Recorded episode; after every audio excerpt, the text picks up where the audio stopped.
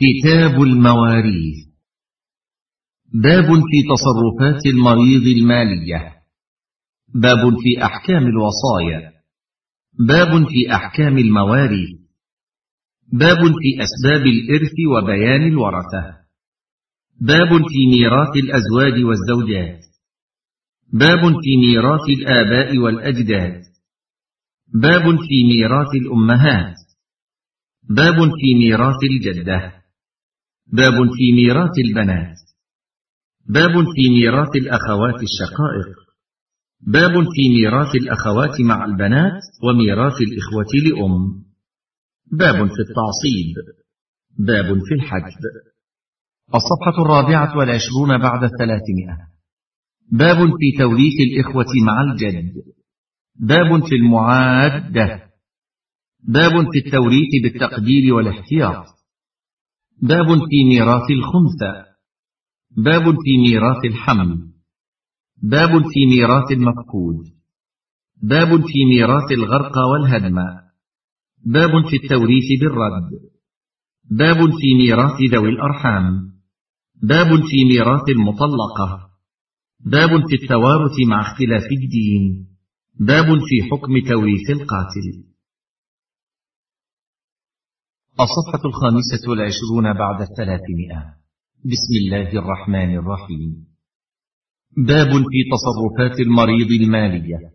حالة الصحة تختلف عن حالة المرض من حيث نفوذ تصرفات الإنسان في ماله في حدود الشرع والرشد من غير استدراك عليه. والصدقة في هذه الحالة أفضل من الصدقة في حالة المرض وأعظم أجرا. قال الله تعالى وأنفقوا مما رزقناكم من قبل أن يأتي أحدكم الموت فيقول رب لولا فيقول رب لولا أخرتني إلى أجل قريب فأصدق وأكن من الصالحين. ولن يؤخر الله نفسا إذا جاء أجلها والله خبير بما تعملون.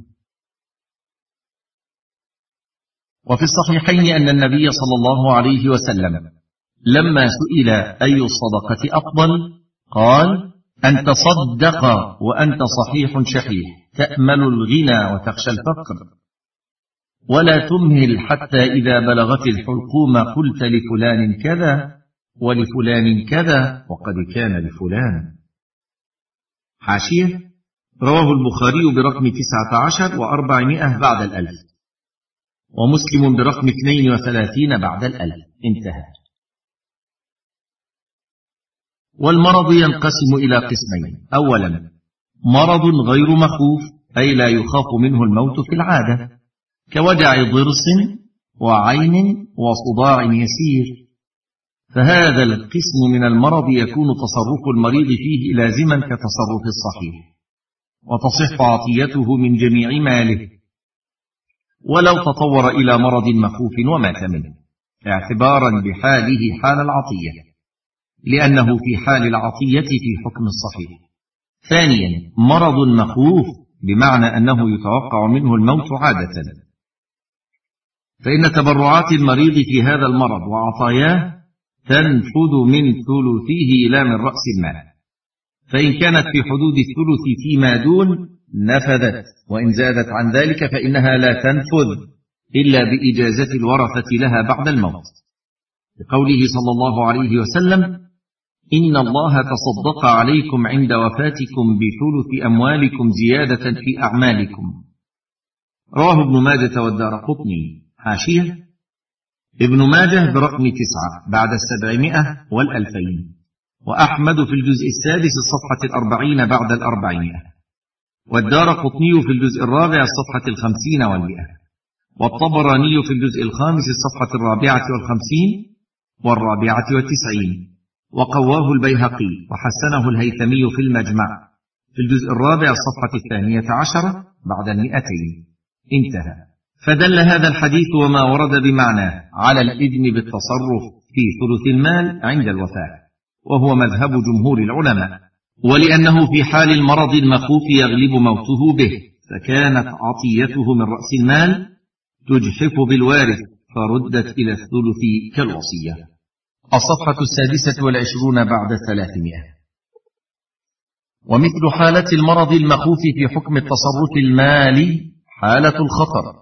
كمن وقع الوباء في بلده أو كان بين الصفين في القتال أو كان في لجة البحر عند هيجانه فإنه لا ينفذ تبرعه في تلك الحال فيما زاد على الثلث.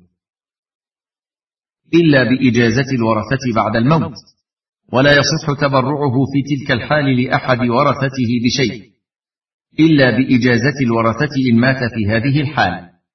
فإن عوفي من المرض المخوف نفذت عطاياه كلها لعدم المانع. ومن كان مرضه مزمنا ولم يلزمه الفراش فتبرعاته تصح من جميع ماله كتبرعات الصحيح لأنه لا يخاف منه تعجيل الموت فهو كالهرم. أما إن لزم من به مرض مزمن الفراش فهو كمن مرضه مخوف. لا تصح وصاياه إلا في حدود الثلث ولغير الوارث إلا إذا أجازها الورثة. لأنه مريض ملازم للفراش يخشى عليه التلف. ويعتبر مقدار الثلث عند موته لأنه وقت لزوم الوصايا ووقت استحقاقها فتنفذ الوصايا والعطايا من ثلثه حينئذ. فإن ضاق عنها قدمت العطايا على الوصايا لأنها لازمة في حق المريض فقدمت على الوصية كالعطية في حال الصحة. وهناك فروق بين الوصية والعطية فقد قال الفقهاء رحمهم الله إن الوصية تفارق العطية في أربعة أشياء. أحدها أنه يسوى بين المتقدم والمتأخر في الوصية لأنها تبرع بعد الموت يوجب دفعه واحدة.